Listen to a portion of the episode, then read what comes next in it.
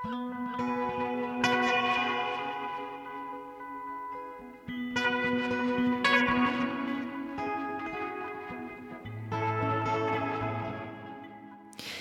sæl.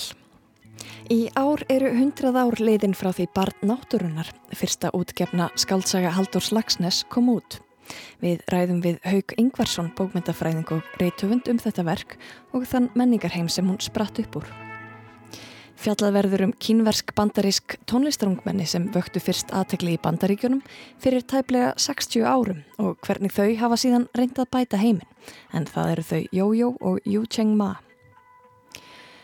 Við fáum að heyra hvaða heimsbyggjastefnur úr múmindalunum eru vænlegastar í krísum en við byrjum á að heyra brot úr brefi Halldórs Lagsnes sem hann skrifaði til Ingu Einarstóttur fyrir konu hans árið 1927. Halldór Guðmundsson les. Ég hef takmark, það er satt og ég myndi ekki láta nokkurs meðals ófreista til að ná þessu takmarki síðan ég var lítil drengur hefur það verið innsta þráin mín að vinna einhver mikil afreiksverk fyrir einhver mikil hluta mannkynsins. Að skapa einhver verk sem staði gett eins og minnisvarðar eitthvað fram í aldrinnar og leitt mannsálið út úr dýblisum fram á við til meiri víðsýnis og þroska nær fullkomnum sinni. Til þess að geta þetta hef ég sett mér alveg afskaplega harðar kröfur. Já, það er ljóst að Nobelskaldið ætlaði sér alltaf stóra hluti en það tókst honum ætlunarverk sitt. Haldur Guðmundsson las upp úr brefi Haldurs Lagsnes sem hann skrifaði til Ingu Einarstóttur fyrir kona hans árið 1927. En við ætlum að bregða okkur inn í bíl við Háskóla Íslands. Haugur Ingvarsson er sesturinn að hjá mér, eh, bókmyndafræðingur og reytuvendur sem í kvöld ætlar að ganga um sögurslóður Lagsnes með öllum sem vilja og eh, útgangspunkturinn er barn náttúrunar sem fagnar 100 ára útgáfa amali sínu ef, ef svo mætti orðið komast í, í ár um, þetta er fyrsta bók Lagsnes en hann var alltíð ákveðin í að verða merkur rítuvendur, ekki satt? Jú, það verðist að hafa blundað í honum bara frá barsaldri það er bara frá fyrstu tíð verðist hann að verða að lesa og skrifa og, og pára á pappir og ekki þurft að sinna bústörfum svona eins og, eins og annað fólk og önnu börn á þessum tíma. Hann verðist það bara að komist upp með það að, að hérna, sinna sínum hugðaröfnum uh, Barnátturinnar er fyrsta útgefna bókin en það eru heimildi fyrir því að, að mista kosti hans einn frásögnu fyrir því að hann hafi í rauninu verið búin að skrifa aðrar bækur áður en á mjög svona dramatíska vísu þá segist hann hafa uh, sko brent öll sín bernskuverk á einhverjum ákveðnum tímapunkti þannig að þau eru trúlega ekki, ekki varveitt jú en barnátturunar kemur út 1919 og er svona hans fyrsta útgefna skáltsaga Ég fór að skoða gaggrínuna sem hann fekk fyrir verkið. Sko í fyrsta lagi fannst mér bara mjög áhugavert hvað hann fekk harða gaggríni hvað var 17 ára drengurinn þetta er svona aðeins annað umhverfi heldur en í dag menningur umhverfi Já, hún var ekki byrjins fagnað með lóatæki og það kemur hann kannski á óvart. Við erum vönd því í dag að virða viljan fyrir verkið og, og hvetja fólk áfram og, og klapp, klapp, klappa fyrir því þegar það stýgur fram á ritvöllin uh, kannski við gleymum því náttúrulega líka oft bara í umræðum fortíðin að, að, að, hérna, að fólk fullornaðist fyrra á, á þessum árum en manni getur nú fundist hafa verið full harkala ánum tekið. Smá einskott hér í framaldi af umræðum bókmynda um fjallanir. Ég gróf upp úr safni Ríkisótarsins brotar sem Haldur Lagsnes ræður um bókmyndaumfjöllun í fjölmiðlum. Þátturinn var síndur á sjötugsamali Skaldsins árið 1972 en upptækan liklega nokkrum árum eldri. Við skulum heyra hvað Lagsnes hafði um þetta mál að segja. Það er náttúrulega ekki nöðsynlegt að blöðin skrifi svo afskaplega vel um bókmyndir en, en það er samt sem áður milli, milli rítuðunda uh, stjættarinnar og, og bladanna er alltaf einhvert uh, samband þeir uh, standa á falla okkur með öðrum meirið að minna hvort veikja er hvort veikja er rítumundarstarfsemi og fyrir ekki að neyta að okkar blöð eru yfir leitt, ég veit ekki hvort að segja fátæklega kannski, það er kannski sé best orðið, svo fátæklega þau geta ekki haldist í hendur við ríttöfundan eða, eða létt þeim, mikinn styrk. Það er alveg miskilningur að halda að, að menn geti fengið styrk til liðstarfa frá einhverji formúlu eða einhverji teóriu sem, sem einhverst sem einhver klíka í París sendir út einstöku sinnum eða, eða jafnvel eða í einhverju annari heimsborg en ef við aðtugum til dæmis við skulum taka Eh, ríthöfundana amerísku og ennsku þeir hafa fengið ákaflega mikinn styrk og mikinn lærdóm af dagblöðunum. Jafnvel maðurinn svo Dickens. Í þessum löndum hafa, hafa um langan tíma verið ákaflega góð háttstandandi blöð.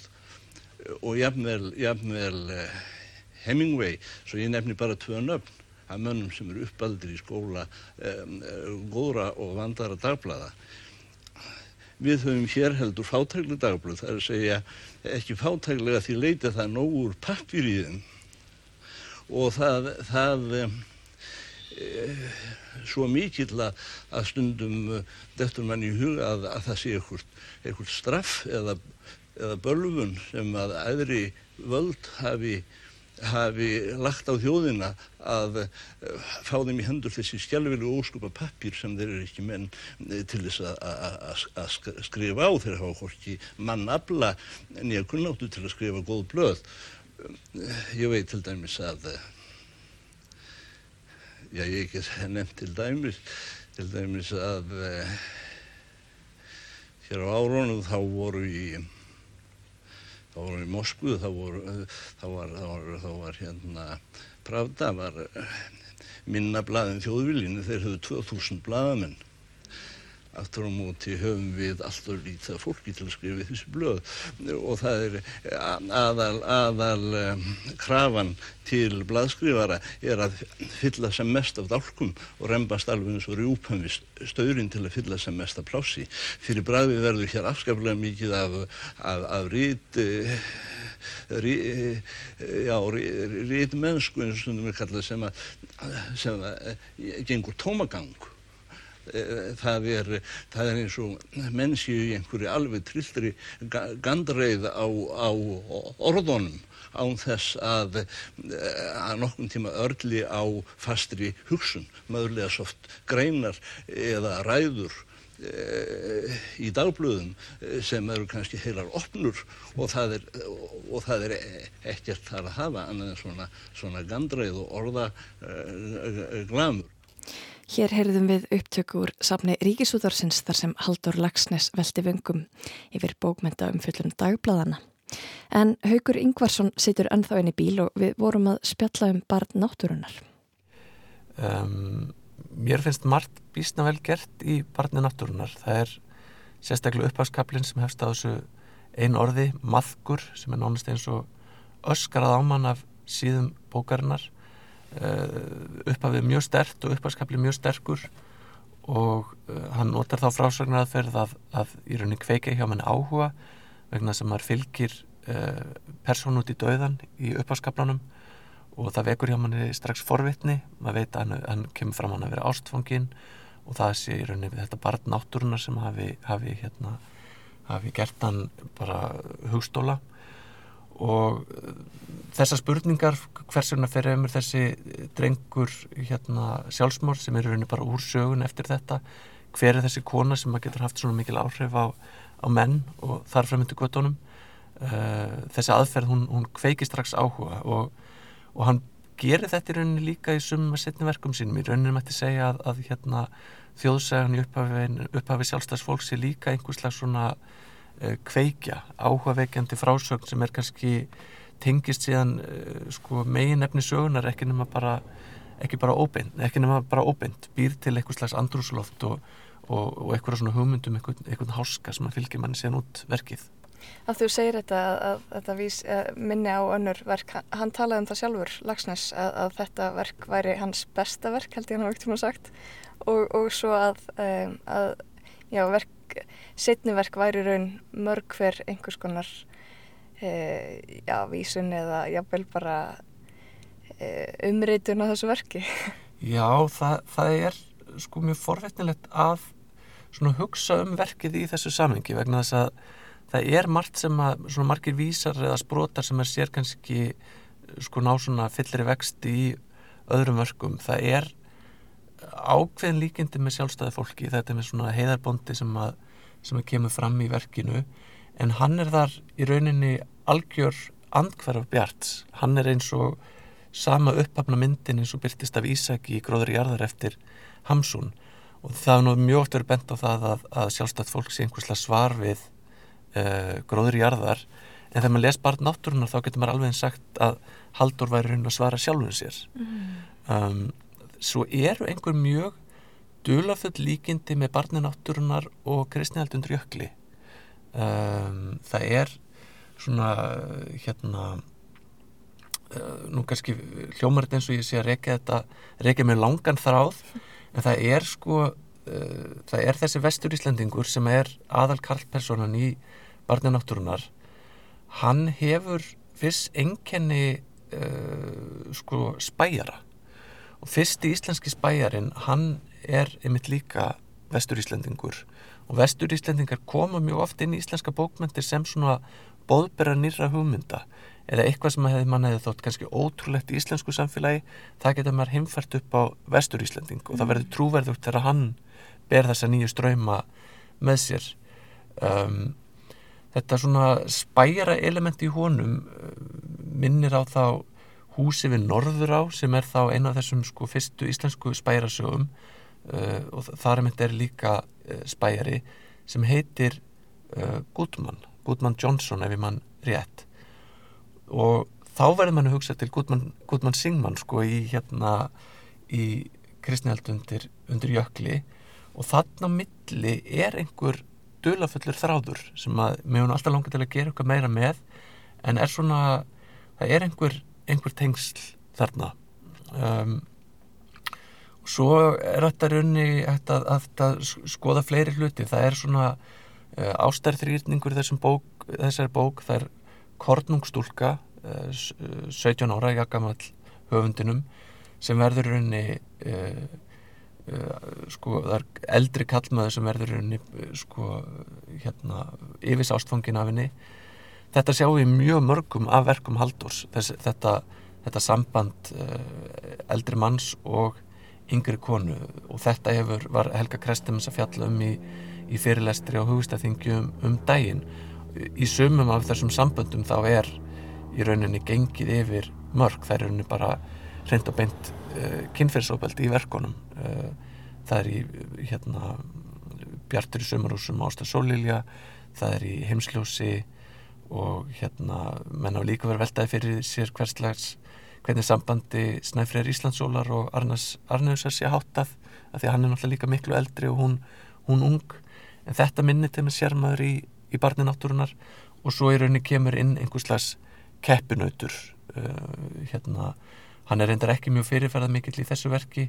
Ari sem er kaupmaður kaupsíslumadur og hann hefur mjög svona neikvæða uh, drætti þannig að maður finnur líka þar fyrir kannski svona ákveðnum uh, ákveðnum fordómum eða ákveðnum fordæmingu á peningum mm. og svona verallegum auðæfum.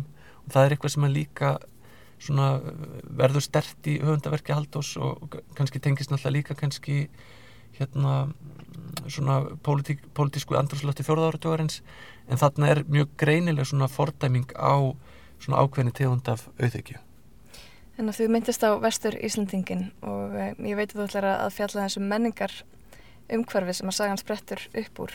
Hva, hvað, svona, hvað enginn er þannig tíma 1919? Það er bísna margt. Um, Sko mér finnst svolítið svona eftir að vera að rannsaka þetta ég er náttúrulega ekki sagfræðingur en, en hérna en mér finnst svolítið svona eins og fólk að vera að halda neyri sér andanum uh, fólk að vera að halda, sér, halda neyri sér andanum út af hérna, sjálfstæðispartunni fólk vera að halda neyri sér andanum út af stríðinu sem er mjög fyrirferðað mikið í fréttum. Hér þó við náttúrulega hefum ekki orðið eins út, illa úti eins og, eins og, eins og hérna nákvæmlega okkar í Evrópu viða en uh, skipasamgöngur til dæmis lága mestuleiti niðri til Evrópu og þá fara þessi eh, svona óskabörn íslensku þjóðarinnar uh, Guldfoss og Góðafoss skip eimskipafélagsins, þau fara að sykla beint til, til bandaríkjana en þegar stríðinu líkur 1918 uh, fólk er búið að jafna sig eftir spænsku veikina. Uh, er hérna, Íslandi búið að fagna hérna uh, þöllveldinu þá er einhvern veginn eins og uh, hlutir fara að gerast mjög hratt. Það er eins og að hefjist hérna nútíma væðing og, og, og vísar það mjög mörgu sem að sem á, á, á síðan eftir að ná fullum blóma síðar uh, til þess bara þetta nefna sér dæmi að árið 1919 skrifar Sigur Nordal svona tímamótagrein sem heitir um þýðingar og þar leggur hann að mörguleiti grunninn að uh, menningarsjóði og, og hérna svona þessu menningar hérna starfi sem að, sem að Jónas frá Hribla helgar sig á þriðáratögnum þannig að mennur þarna farnir að hugsa mjög stórar hugmyndir mm. og farnir að hugsa, sjá fyrir sér hvernig hvernig Ísland framtíðarinnar er að vera þannig að árið 1919 er svona eftir kannski svolítið svona svolítið umbróta tíma þá er svona eins og það opnist bísna margt finnst mér En hvernig talar það á barnátturinnar og, og svo hugmyndafræði inn í þennan tíma? Já, Haldur er náttúrulega ekki alltaf samkvæmur sjálfum sér og sko svo hugmyndafræði sem hann bóðar í verkum sínum, skáldverkum eða svo hugmyndafræði sem hann getur greint í, í, í skáldverkum hans hún er oft, rýmar oft bísna illa við hans uh, ævilöp eða hans, hans, hans ævi. Og þannig er það til dæmis í barni náttúrunar að þar kemst hann í rauninu að mjög sveipari niðurstöðu eins og þessir íslensku mentamenn hefðu gert. Hann kemst að þeirri niðurstöðu að jú það er mikilvægt að skoða heiminn það er mikilvægt að, að vita um heiminn og nútímann en okkur er best borgið í, í íslenskri sveit. Það er unni niðurstað verksins. Og uh, hulda þetta barnátturunar, þessi óstýrláta stúlka sem að, sem að hefur þessi miklu og sterku áhrif á karlmenn, hún er svona lifandi og skemmtileg persóna. Hún vil verða nútímakona hún vil fara og skoða heiminn. Uh, hún spilar á hérna, piano getur spilað á gítar og syngur eins og engill og, og hérna flyttur ljóð sem eru trúlega uh, frumsaminn verk hennar. Uh, Vesturíslendingurinn Randver sem er aðal karlpersona versins hann kemur hinga til að verða bóndi og að lokum þá hefur hann í rauninni yfirhundina hún ákverður að fórna sínu draumum og saman fara þau að rækta jörðina og eru búin að kaupa sér bíli þegar, þegar sögunni líkur uh, ólíkt barni náttúrunar þá er Haldur Lagsnes, hann stendur á skipsfjöl í rauninni þegar bókinn kemur út. Og þá er hann á leiðinni út í heim og ætla sér að verða reytuundur og mögulegt er hann sér að hasla sér völl á dönsku. Þannig rauninni er uh, sko niðurstað verksins í hróplögu ósamræmi við, við, við niðurstöðu skáldsögn Fyrir allan haldur sjálfs. Já, fyrir allan haldur sjálfs er hróplögu ósamræmi við niðurstöðu skáldsögnar Þannig kannski bara halda heinum heima Já, það er spurning og þetta er, þetta er hérna þetta er líka umhersunarefni svona hvernig mentamenn hafi gegnum tíðin að vilja hafa, hafa vit fyrir öðrum og, og, og hérna og festa þá kannski í, í ákveðnum fjötrum en, en vilja vera frjálsir sjálfur Góða punktur. En hvernig talar skaldsagan inn í okkar samtíma núna hundru árum síðar? Mér finnst sagan býstna skemmtileg aflestrar og uh, það er margt í henni eins og náttúrulýsingar og lýsingar og tíðaranda sem, að, sem eru skemmtilegar og eiga alveg erindi við okkur í dag. En fyrst og fremst held ég að hún sé fróðleg fyrir ungt fólk held ég sérstaklega vegna þess að það að vera rítvöndur held ég árið 1919 það var held ég svolítið eins og alltaf sér að verða atvinnumæður í knæspurnu í dag eða eitthvað svo leiðis eh, þetta er eitthvað svona það að vera rítvöndur var á Íslandi held ég komst næsti að vera popstjarnar eða, eða þú komst út í heim, þú gæti aflæðir fræðar, þú férst viðurkenningu og uh, 17 ára barn eins og Haldur Lagsnes hann gæt náð tökum á því að skrifa svona bók vegna þess að metnaður hans stóð til þess.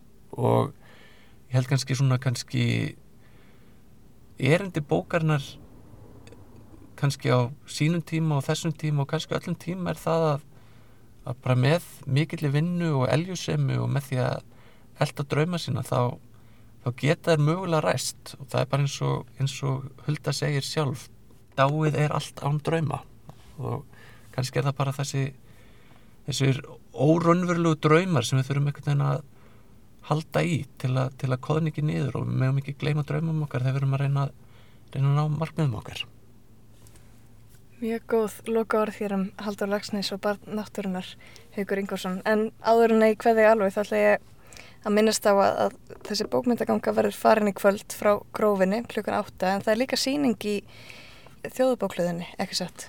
Jú, það er síning sem að stendur núna um barnáttúruna sem býstna margir koma að, eh, landsbókarsafnið og gljúfrasteinn og svo er forlæði líka eh, fullur þáttakandi í þessu verkefni og þar stendur síning sem er svolítið skemmtileg, eh, finnst mér. Það var líka gefin út mjög vegleg síningaskrá og það var svona löðað það áslöfu að reyna að tengja síninguna svolítið við rítvöndadagsins í dag þannig að Kristi Marja Baldurstóttir, hún skrifar um myndlist árið 1919, Sjón skrifar um uh, kvikmyndir 1919, uh, Unnar Örn, myndlistamæður, hann skrifar um bókáttgáðu þessa árs, uh, Haldur Guðmundsson skrifar um barnið og draumun um að vera rittufundur og svo skrifar Árni Heimir Ingólfsson, hann skrifar um tónlist árið 1919 og svo skrifa ég sjálfur uh, svona ritgerð um, um uh, um eh, barnátturunar og, og þann tíðranda sem hún sprettur af. Það er þetta að setja sér svona aðeins inn í, inn í þessa sögu? Já, það er þetta að setja sér inn í þessa sögu og, og bæðið setja sér inn í hana og svo kannski svona lesa svolítið uh, samfélagið í, í gegnum hana. Kæri þakk fyrir spjallið Haugur Ingvarsson. Takk sem liðs. Þetta var Haugur Ingvarsson, bókmyndafræðingur og reytufundur sem satt með mér inn í bíl við aðalbyggingu Háskóla Íslands í morgun og rapaðum Nobelskáldið og barn náttúrunar. Haugur mun leiða bókmyndagöngu í kvöld þar sem gengið verður um slóðir Haldórslagsnes í Reykjavík og lögð sérstök áhersla á afmælisbarn náttúrunar 100 ára í ár. Velt verður vöngum yfir því hvers vegna barnungur Piltur var tilbúin að leggja allt í sölurnar til þess að verða reytufundur og dregin upp mynda því menningar umhverfi sem skaldsagan sprettur úr. Fjallaðum kvikmyndasýningar í byrjun aldarinnar og hugaðað tónlist í höfundarverki Haldórs og myndlist. Verulega spennandi ganga sem hefst frá grófinni klukkan 20 í kvöld. En í kvöld hefst líka Reykjavík Midsummer Music hátíðin í Hörpu.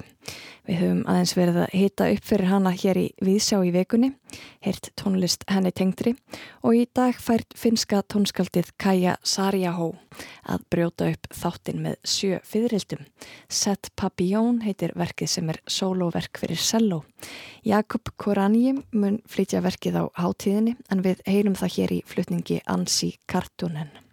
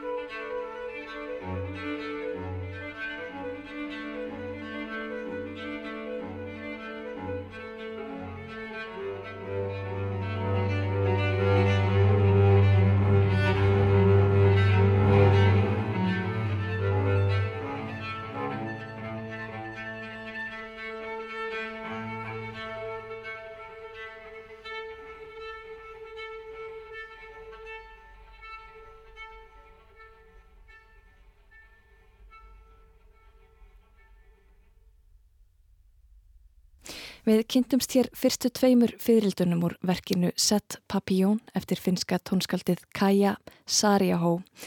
Soloverk fyrir Cello sem er á efnisgrá Reykjavík Midsummer Music hátíðarinnar sem hefst í kvöld. Fyririldi eru heitlandi verur á ýmsum ástæðum en bandaríski starffræðingurinn og viðurfræðingurinn Edvard Lorenz setti þau í alveg nýtt hugmyndafræðilegt samhengi með óreiðukenningu sinni þar sem hann orðaði í fyrsta sinn hinn svokölluðu fyririlda áhrif. Kenningin síndi fram á að litlar aðgerðir geti leitt til mikill að breytinga. Gæti sláttur fyririldavangja í Brasilíu orsakað fellibil í Texas, veldi Lorenz fyrir sér. Við ætlum þó ekki að svara þeirri spurningu hér í Víðsjá, heldur halda áfram á sviði tónlistarinnar og kannski fyririldana, því næsta spurning er, getur tónlist breytt heiminum?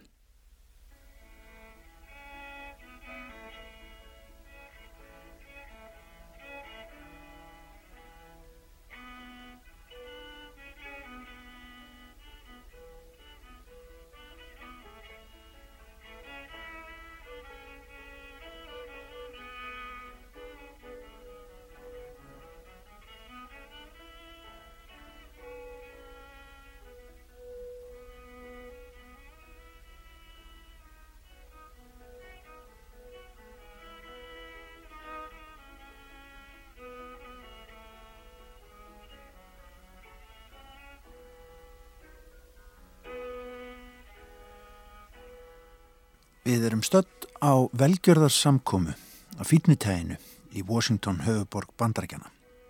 Þarna er verið að leika þátt úr Concertino, litlum koncerti eftir franska tónskaldið Jean-Baptiste Breval.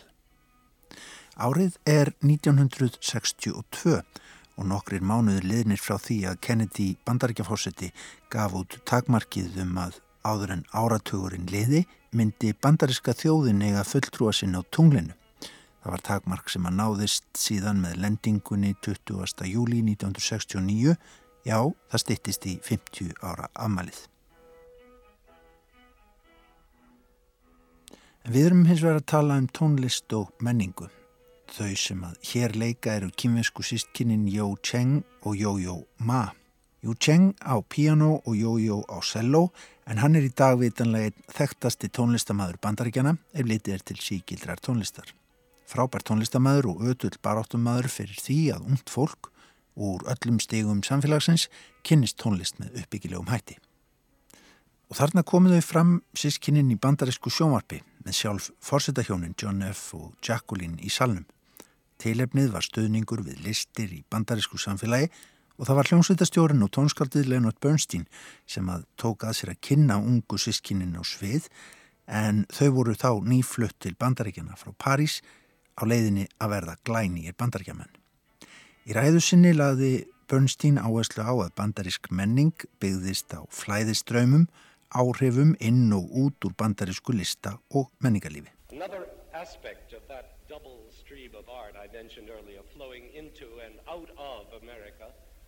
Has long been the attraction of our country to foreign artists and scientists and thinkers who have come not only to visit us but often to join us as Americans, to become citizens of what to some has historically been the land of opportunity and to others the land of freedom. And in this great tradition, there has come to us this year a young man aged seven bearing the name Yo-Yo Ma. A yo-yo came to our attention through the great master Pablo Casals, who had recently heard the boy play the cello. Yo-Yo is, as you may have guessed, Chinese and has lived up to now in France, a highly international type. But he and his family are now here.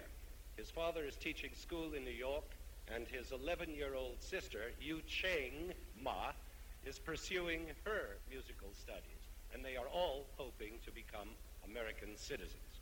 We shall now have the pleasure of hearing Yo-Yo Ma, accompanied by his sister, Yu Cheng Ma, play the first movement of the Concertino number 3 in A major by Jean-Baptiste Breval, who played, taught, and composed for the cello 150 years ago in France. Now here's a cultural image for you to ponder as you listen. A seven-year-old Chinese cellist playing old French music for his new American compatriots. Welcome Yo-Yo Ma and Yu Cheng Ma. Já, listamenn, vísindamenn, hugsuðir og fleiri og fleiri hafðu komið til bandaríkjana í gegnum tíðina, saði Bernstein, með það fyrir augum að slást í hóp bandaríkjamanna í þessu mikla landi sem svo margir sá sem land tækifærana og land frelsis. Í samræmi við þessa hefð væri hinga komin, ungur maður, hinn sjóra gamli Jójó Ma, sem sjálfur Pablo Casals, selvoleikarin mikli, hefði bent á. Núna væri fjölskyldan komin vestur um haf í vonum að verða bandarískir borgarar. Fadurinn farin að kenna tónlist þar í borg og hinn 11 ára gamla sýstir Selónemans væri að nema sína klassísku tónlist. En það sem Bernstein nefndi hins vegar ekki í ræðu sinni var að sjálfar sýstirinn klárlega undrabarn á sviði tónlistar eins og yngri bróðurinn. Fyrsta hljóðfæri hennar var nefnilega ekki piano heldur fiðla og ári áður hafði hún leikið einleik í fiðlukonserti Mendelssohns með symfóníuljónsettinni í Denver aðeins tíu ára gummul. Um sýsturina, Yu Cheng Ma, er fjallað í lítill grein í New York Times í gær. Það er rifjað upp að það hafi verið um það leiti sem að þau sískinin komu fram á velgerðarsamkomunni í Washington sem foreldrar þeirra bundu skindilega enda á fiðlunam Yu Cheng og í eldra viðtali við New York Times hefur hún einmitt nefnda að það hefur verið nánast eins og að missa rödd sína. En píanonóminu hjá henni heldu þau áfram og næstu ári nátti hún eftir að verða aðal meðleikar yngri bróðu síns. Henni var ætlað að styðja við þá þróun sem þá var að fara í gang að yngri bróður hennar með sína hæfileika í búndum erði með tíð og tíma eitt fremsti seluleikar í heims og það gekk auðvita eftir. En tónlistakennarin fadir þeirra stopnaði einnig um líkt leiti ungmennarhljómsveit í New York, The Children's Orchestra Society sem nú í kvöld einmitt er að fara að halda upp á 50 ára starfsamæli sitt með galatónleikum í Carnegie Hall en 7 ára hlje var þá starfseminni sem útskýrir hver seint er haldið upp á halvrar aldar amælið. Og það var við þessu verkefni sem að dóttirinn Jing Ma tók við að lokum af föður sínum að stjórna rekstri og fjármögnun sveitarinnar á samtíða starfa sem þroska barnalagnir við háskóla kentan við Albert Einstein. Einmaður hennar, gítarleikarin, tónskáldið og hljómsveitastjórin Michael Dadab er síðan listrætt stjórnandi sveitarinnar. Í viðtalinu í New York Times segir Yu Cheng að vissulega hafi það verið blessun fyrir reksturinn hver bróðir hennar Yo-Yo Ma er frægur í bandarísku þjólifi. Þó að hann hafi ekki haft beina aðkomu að málum þá hafi nærvera hans skapað kærkomna aðtikli og velvilja því að reksturinn er sannlega dýr. Þáttuku gjöldum ungmennuna haldið í algjöru lámarki í þessari dýru borg New York. Tónlistin hefur tekið meir og meira pláss í lífi Jing Ma á undanförnum misserum á kostnað læknislistarinnar. Metnaðurinn stendur til að kenna börnum inn á tungumál tónlistarinnar.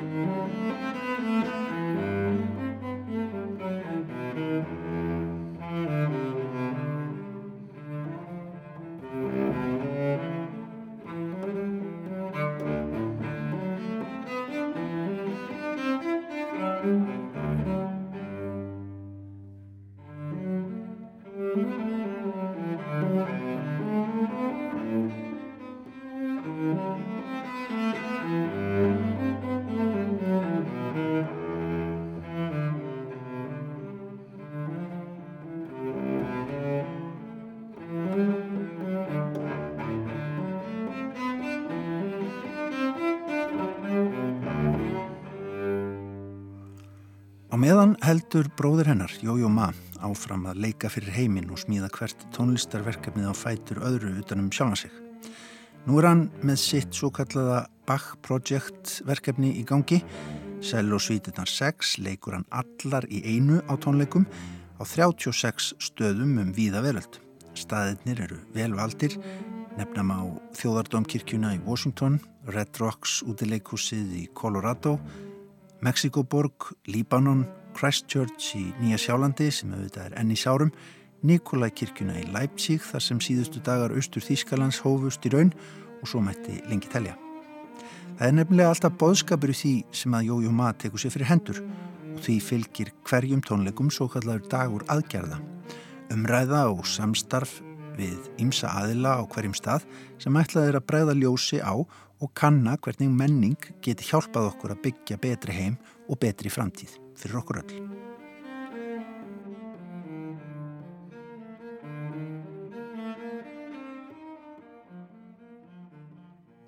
Jójó Ma vakti aðtikli í vor þegar hann kom með hljóðfæri sitt á Juarez Lincoln brúna sem að tengir tvíburabæina Laredo í Texas og Nuevo Laredo í Mexiko á lögadagsmotni í april.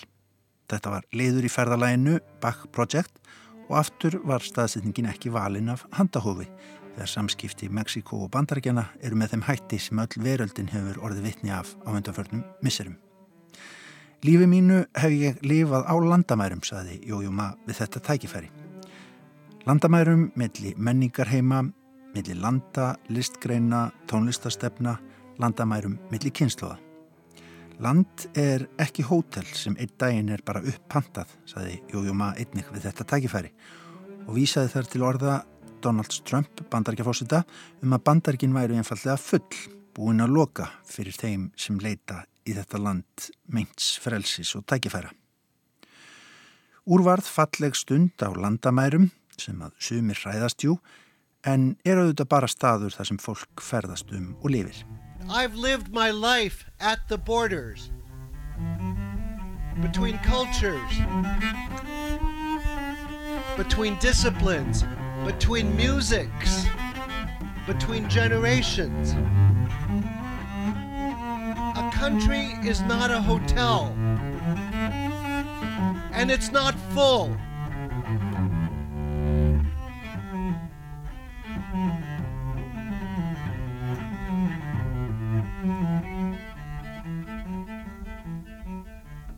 In culture, we build bridges, not walls.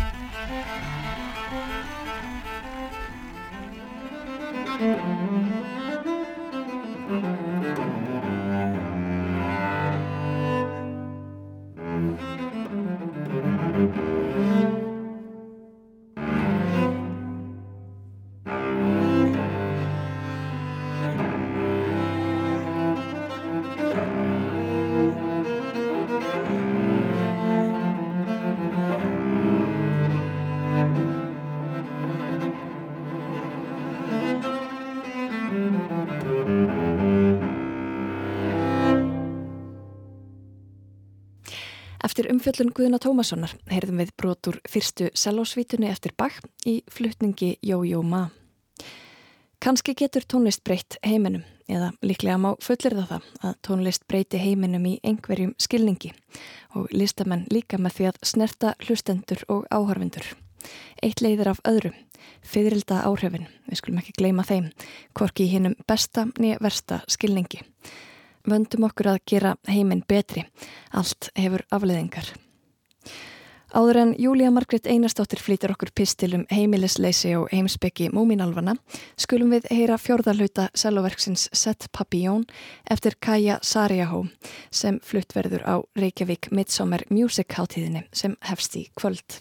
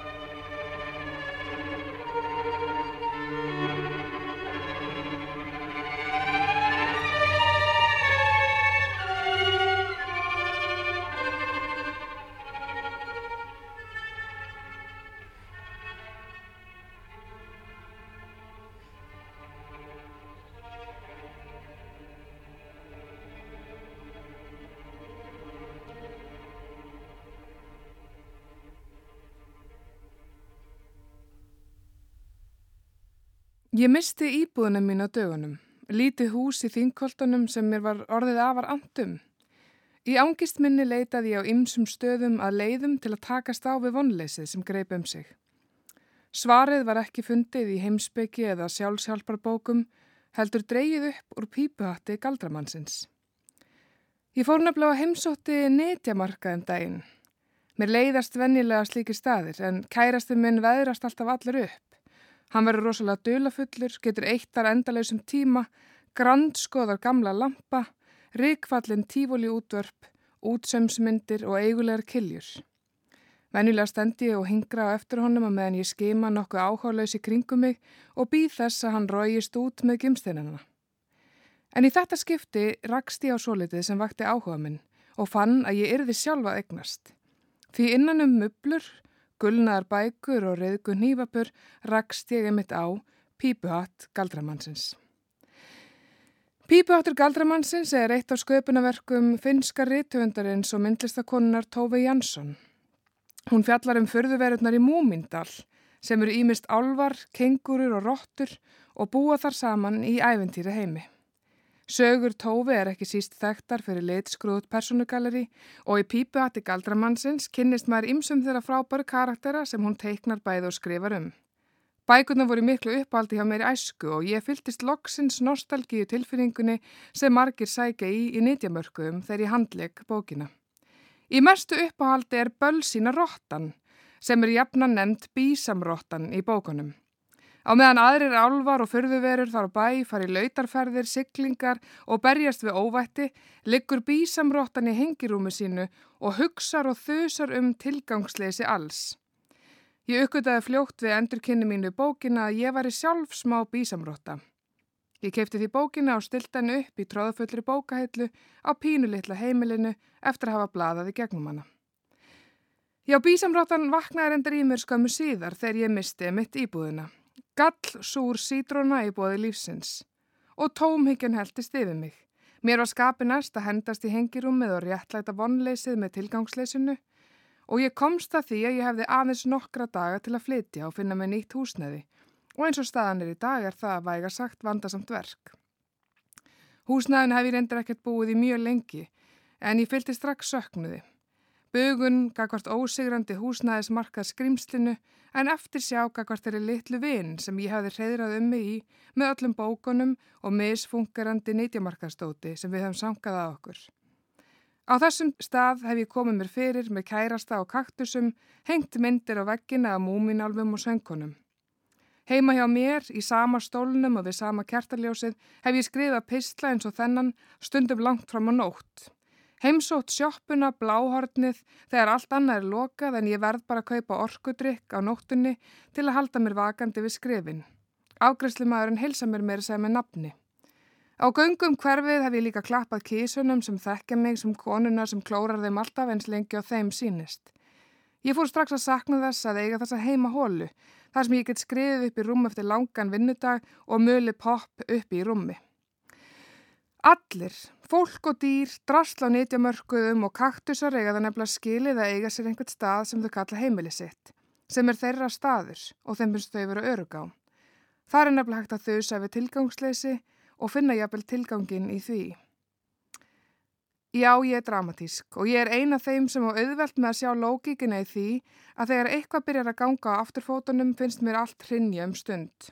Fyllist ákveðinni fyrsta heimstómyggju, verð þung og vonlaus í smá stund en hlutskipti mín eru þó alls ekki einn slæm þegar vel er að gáð. Ég lærði heimsbyggi í Háskóla Íslands eftir að hafa klára mentaskóla og það getur jafnvel verið hættulegt dramatískum úrlingum. Mér fannst ég hafa fundið þarna heimili mitt. Imblásin af tómikikenningum las í Nietzsche og fannst sjálfsvorkunar vonleysi mitt loks fá vangi. Í kenningu Martins Heidegger um neindina fann ég réttlætingu og örvendingu minni. Ég las um ángistuna og ymsendina sem degð sem tógar sál mín á vitins aðra. Þessar nýju hugmyndir sem rómuðu vonleysið fundu sér bólstað í hugmyndi mínum um bóheimin. Og unglingsárunum urði til áform mín um að gera sjálf bóheim. Að vera svona manneskja sem gengur um á tánum, sprenglarð í skóla lífsins og reykja upprúlar síkarettur.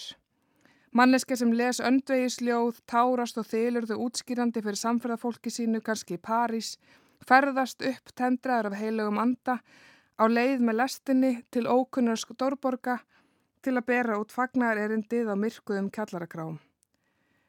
Hann er miskilinn eins og ofurmenni Nietzsches en hann veit að manna best að í heiminum hafa aðrir gengið þessa pílagríma slóð. Og í samtali við aðra millistjættamenn sem aldrei hafa fundið hásætið sem þeim er ætlað hafa þeir fundið sitt eigi heimili. Bóheimarnir tala líka saman í gegnum vitir tímans því manifest og þeirra eru rétið í heimsbyggiritt af mönnum sem eru eins og þeir. Þeir lesa spjaldan á milli og kinga kolli ábúðafullir gefa hver öðrum olbúaskot og segja eitthvað kjarnirt kannski á franskri tungu. Þeir skilja að þeir eru ekki á sama tilveru stíu við hinn, svo þeir reykja og dæsa fullir ángistar bísamsróttunar. Meðvitaðar um tilgangsleysi alls. En eftir árangursríka tilraunir snýr ég baki við þessu bræðralagi. Ég ákvað því að banka upp á hjá Tófi Jansson þegar að þessi tilfunning hættist yfir mig. Því það er enn stutt í tómikina þegar ég lendi í smáverðis áfalli. Áfalli sem er agna lítið og í raun hlægilegt gagvart harmi þeirra sem hafa upplifað raunverulega krísu. Eins og einstæðar mæður sem enda á götunni, fjölskyldur sem hafa verið bortnar út á heimilum sínum, en ólíkt mér eru þau kannski ókunnu landi að leita skjóls eftir að hafa þurft að flýja stríðsregar heimaslóðir. Já, snúa baki við því sem þeim er kært, leggja í hættulega ferð á ókunna slóðir.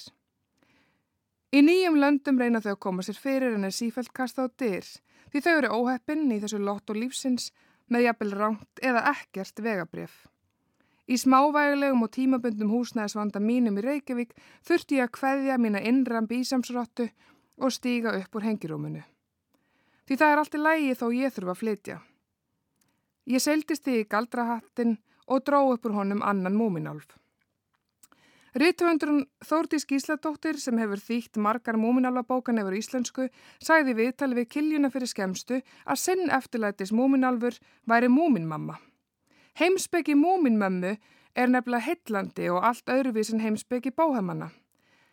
Eins og Þórdís nefndi þá tók múminmamma venjulega öllum óþægendum og smávægilegum erfileikum og gerður þeim eitthvað gott og nýtsamlegt. Þegar grindverkið sem umkringir múminhúsið brotnaði, sæði hún að það væri fyrir bestu, það væri hvort sem er svo ógeðslegt á litin. Því það er gott dæmi um æðrileysi hennar og jákvæðni. Í síðasta kapla bókarinnar Pípuhattur Galdramannsins týnir múminmamma verskinu sínu. Það veit að flesti sem í því hafa lend að það verður stutt í örvæntinguna þegar svo berundir, en ekki til felli múminmömmu. Í stað þess að leggjast í hengirúmi til róttunar og dæsa yfir örlegunum leitar hún að veskinu þar til hún finnur það og heldur veistlu til að fagna því að það hefði fundist. Veistlu sem hefði aldrei verið haldin ef hún hefði ekki verið svo heppin að týna því. Já, múmin mamma er nefnilega svo sem hræri límunaði úr sítrunum lífsins. Og þess vegna ætla ég ekki að leifa óvæntu húsnæðisleysi að vekja í mér bísamsrottuna á kjallarakrám og réttlæta þannig vonleysið í heimsbyggiskruttum úr nýtjamarkanum. Í staðis ætla ég að þykja sítrónunar, leita nýju heimili og halda svo veistlu þegar það kemur í leitinar. Öllu drasli verður komið fyrir á nýjum stað og pípuhatturinn fær sérstakann sess enda manifest á heimilisins. Egi skal gráta tínt verski heldur finna það, myndi múmin mamma segja. Egi skal gráta glata heimili heldur halda innflutnisparti. Veistlu sem ég hefði aldrei notið ef mér hefði ekki verið færðar þessa sítrónur.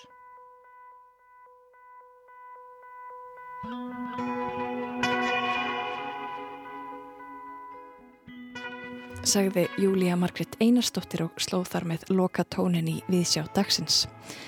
Í þættinum höfum við komist að því að hægtir að breyta heiminum með ímsu móti, með hjálp tónlistar, fyririlda og kannski ekki síst eigin hugarfari.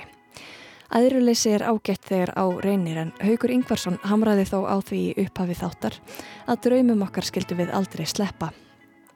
Dáið er allt án drauma eins og barn náttúrunar hulda, sagði og skildi þig dreyma fyririldi þá táknar það einmitt breytingar. Fyririldi taka jú stórfældum breytingum á lífskeiði sínu frá púpu til vangjarar veru. Og farið svo að lífi bjóði þér sítrónur, kæri hlustandi, þá var ég að komast að því hér með hjálp internetsins að fyririldi eru sólkinn í sítrónur. Mæltir með að leggja börkin á disk í grunnu vaspaði og samkvæmt mínum heimildum munu þá fyririldin sópast að kræsingunum.